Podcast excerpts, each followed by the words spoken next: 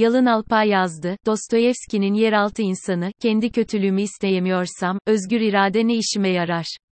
Dostoyevski'nin ölümünden 10 yıl sonra doğan ünlü bir İtalyan kuramcı, siyasetçinin ünlü sözü, iradenin iyimserliği, aklın kötümserliği, gerçekten bilgecedir. Bu sözde, 19. yüzyılın ağır basan belirlenimciliğine ve pozitivizmine karşı savaşan romantizm akımına bir destek vardır. Aydınlanmanın belirlenimci pozitivist dünyasında yararlı olan pozitif, yararsız olan negatif diye ayrıldığında, akıl ile gerçekleştirilen doğa bilimlerine yararlı oldukları için pozitif bilimler adı verilmişti. Bu tutum, akla uygun olmayan her tasarımı da dışlıyordu. Doğa bilimlerinin sosyal bilimlere uygulanması sonucunda ortaya akla uygun olmayan her şey insanın kendisinden de dışlandı. Pozitivist dünyanın yeni insanı, J. Stuart Mill'in terimiyle, Homo economicus'tur.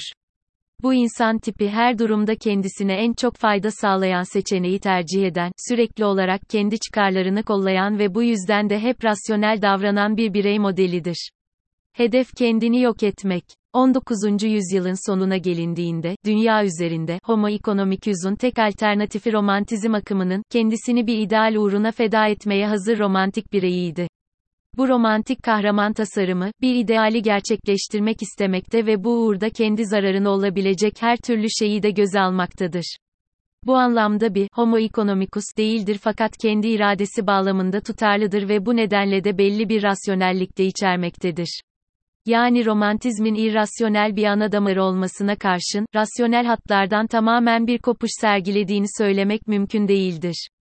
Üstelik romantik bireyler, tüm Avrupa'ya yayılmış, homo economicus karşısında minicik bir azınlık olarak durmaktadır. İşte böyle bir ortamda, Rus çarı Büyük Petro'nun Paris'e özenerek inşa ettirdiği Saint Petersburg'da, müthiş bir dahinin kaleminden çıkan edebi satırlar, bir yüzyıl sonra önce Paris'i, sonra tüm dünyayı sarsan bir felsefenin ilk temellerini atmıştır, varoluşçuluk. Rusya'da sayısız sorunla baş etmeye çalışan bu dahi yazar, dünyanın gelmiş geçmiş en büyük yazarlarından birisi ve pek çok edebiyat eleştirmenine göre de en büyüğü olan Dostoyevski'den başkası değildir. Sennaya Ploşad'ın tekinsiz ve tehditle dolu sokaklarında yaşayan ve Nevski Prospekt'in zengin ortamına girerken tedirginlikten eli ayağına dolaşan, daracık, hastalıklı, basık tavanlı çatı katlarında oturan kentin dışkısı olan karakterleri anlatırken, tüm mekanları ve binaları es geçer Dostoyevski. Karakterlerin yüzlerini, boylarını, kilolarını bilmeyiz, kendileri hakkında ne hissettiklerini biliriz yalnızca. Yürüyen birer düşünce, birer ruhtur Dostoyevski karakterleri ve her birisi düşüncesini sonsuza kadar götürmek ister. Yeraltı ve varoluşçuluk Dostoyevski'nin insan tasarımına getirdiği muhteşem yenilik, onları dış görünüşlerinden soyutlayarak birer iç dünyasına indirgemesinden çok bu edebiyat kuramına getirdiği harika bir yeniliktir bu karakterlerin, sonuna değin götürmek için çabaladıkları ana fikirlerinde, iç dünyalarının dehlizlerinde saklıdır.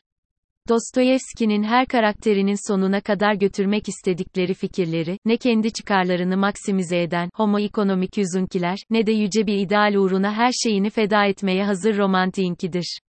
Onun karakterleri tek bir şey ister, kendilerini yok etmek. Kendine düşman olan ve kendi çıkarını baltalamak için her fırsatı değerlendiren ve yüce ideallerden, erdemden köşe bucak kaçan bu karakterin ilk sunuluşu yer altından notlardır.